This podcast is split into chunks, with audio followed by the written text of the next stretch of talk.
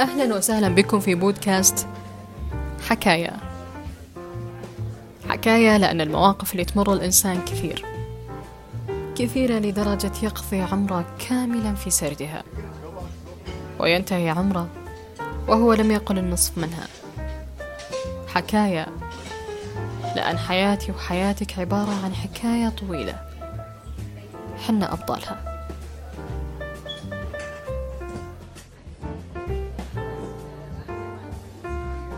موضوع الحلقة. أنت وما تحمل.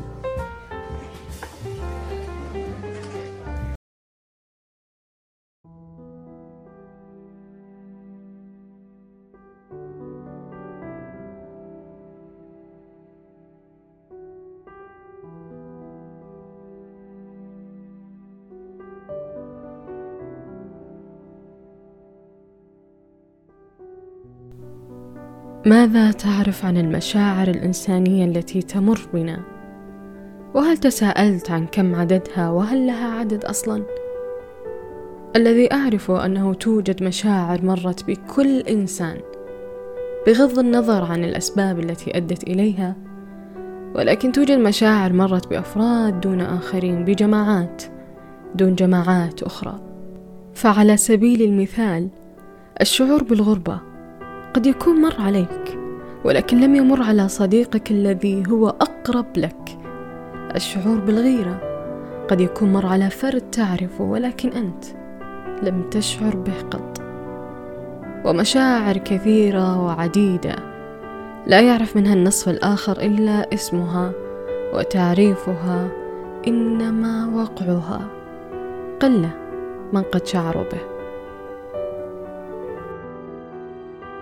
الانغماس في هذا الجانب الإنساني والتفكر به والتأمل يجعلك تشعر بالتعقيد وتضطر لطرح مئة سؤال وقد لا تقنعك الإجابات عنها.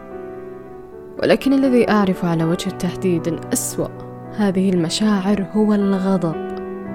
يدمر وقد يقتل ويسلب وقد ينهي حياة صاحبه.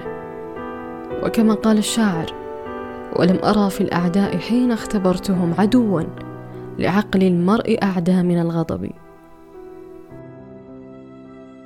بينما المشاعر الأخرى قد تقدر على السيطرة عليها وإما أن تنهيها أو تجعلها أهدى مما هي عليه. ولعلي أرى أن أسمى هذه المشاعر هي المحبة تحثك على فعل كل جميل وأعجب من عدم إبداؤها كيف تعيش وأن تحمل هذه المحبة دون أن تخبر من تحملها له؟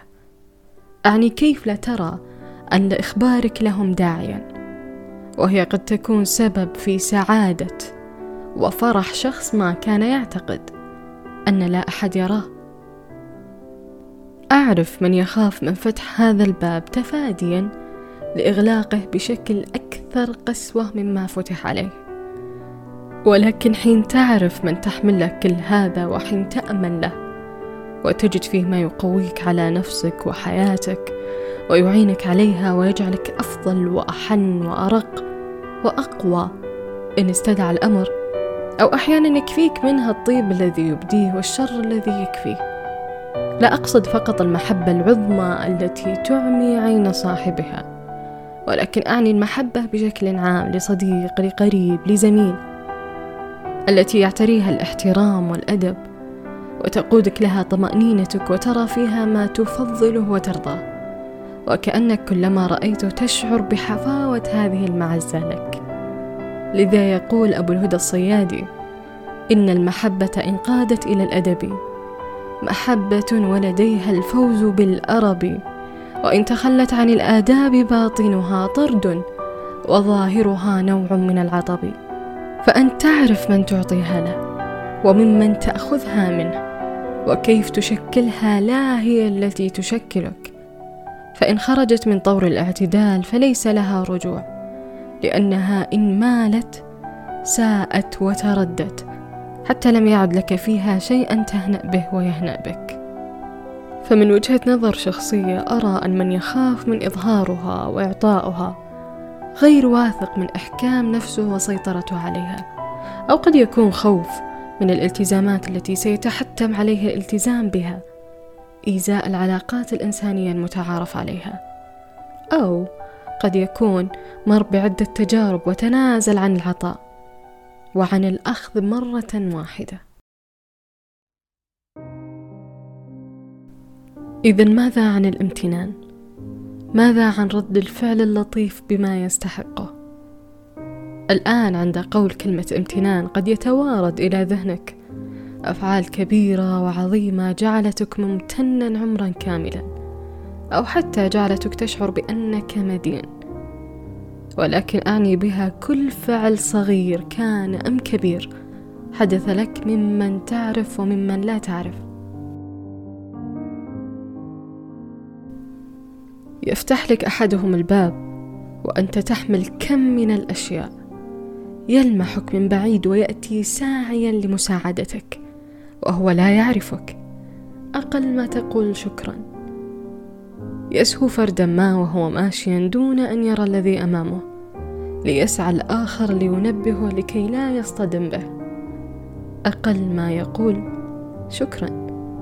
الأفعال كثيرة وبسيطة وتتطلب شخص لماح ولطيف وأبرزها وما جعلها أحلى مما هي عليه. أنه لا يعرفك. لو كان يعرفك لدفعه لفعل ذلك مكانتك بالنسبة له. ولكن عليك أن تبدي هذا الامتنان أن تظهر أنك مقدر لما فعل. هذه التفاصيل الصغيرة والأشياء البسيطة التي تراها عادية والرد عليها لا داعي له. هي بالأصل من تجعل الإنسان إنسانا لها تأثير عظيم على قائلها والمقصود بها. لو عرفت ماذا ستصلح بها لما ترددت بقولها. وكم مبشر وكبير من الناس يعرف كيف يقولها وكيف يشعر حين تقال له. البعض الآخر ربما يملك أسبابا جعلته حيويا وهادئا يخجل من رد الكلمة بما هو أفضل منها أو بما هو أنسب لها. والبعض الذي يقطن دائما في جانب آخر يشعر بأنه يستحق أن يفعل له هذا ويقال له هذا ويعيش وفق هذه الحياة التي يراها.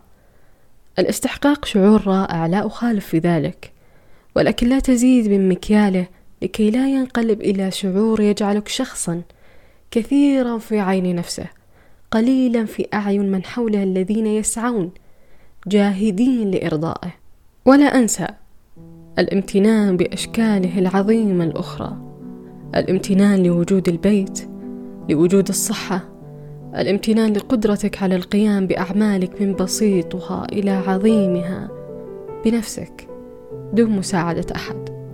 الامتنان لوجود العائلة الامتنان لكل شيء. يجعلك تتنفس وتعيش وتعمل وتأكل وتشرب وإلى آخره. لذا يقول المثل الفيتنامي عندما تأكل الفاكهة تذكر من زرع الشجرة وكل الامتنان عموما يعود لله المن الذي لولاه لما كنا الآن.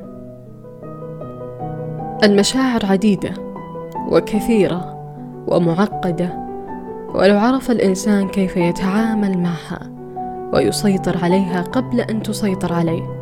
لما كان هذا حاله مشتتا مكتئبا أو حزينا أو بائسا حتى أجمل المشاعر وأفضلها إن لم تعتدل بها. ستتحول لسوء تتمنى أنه لم يحصل يوما. رغم بدايته الرائعة المعتدلة. فليس كل شعور يتطلب منك جهدا زائدا. تعبيرا فائضا. فعلا يشقيك. لو أعطيت كل ذي حق حقه وتدبرت في داخلك ورتبت كل شيء وتعاملت معه بطريقة حكيمة وبسبل أكثر أمانا. صدقني الحياة بتكون أكثر قبولا. سترى جانبها الرائع الذي قد تتساءل عنه الآن. ويكون سبب تساؤلك إما تقصيرا أدى إلى المشاعر الأكثر سوءا أو عطاء فائضا جعل الرائع مؤلما.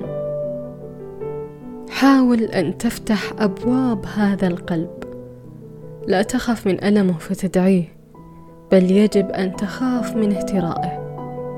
وأيضا حاول أن تكون كل هذه المشاعر التي تمر بك وتمر بها صحية بما يكفي لتبقى هذه الروح سليمة وطيبة.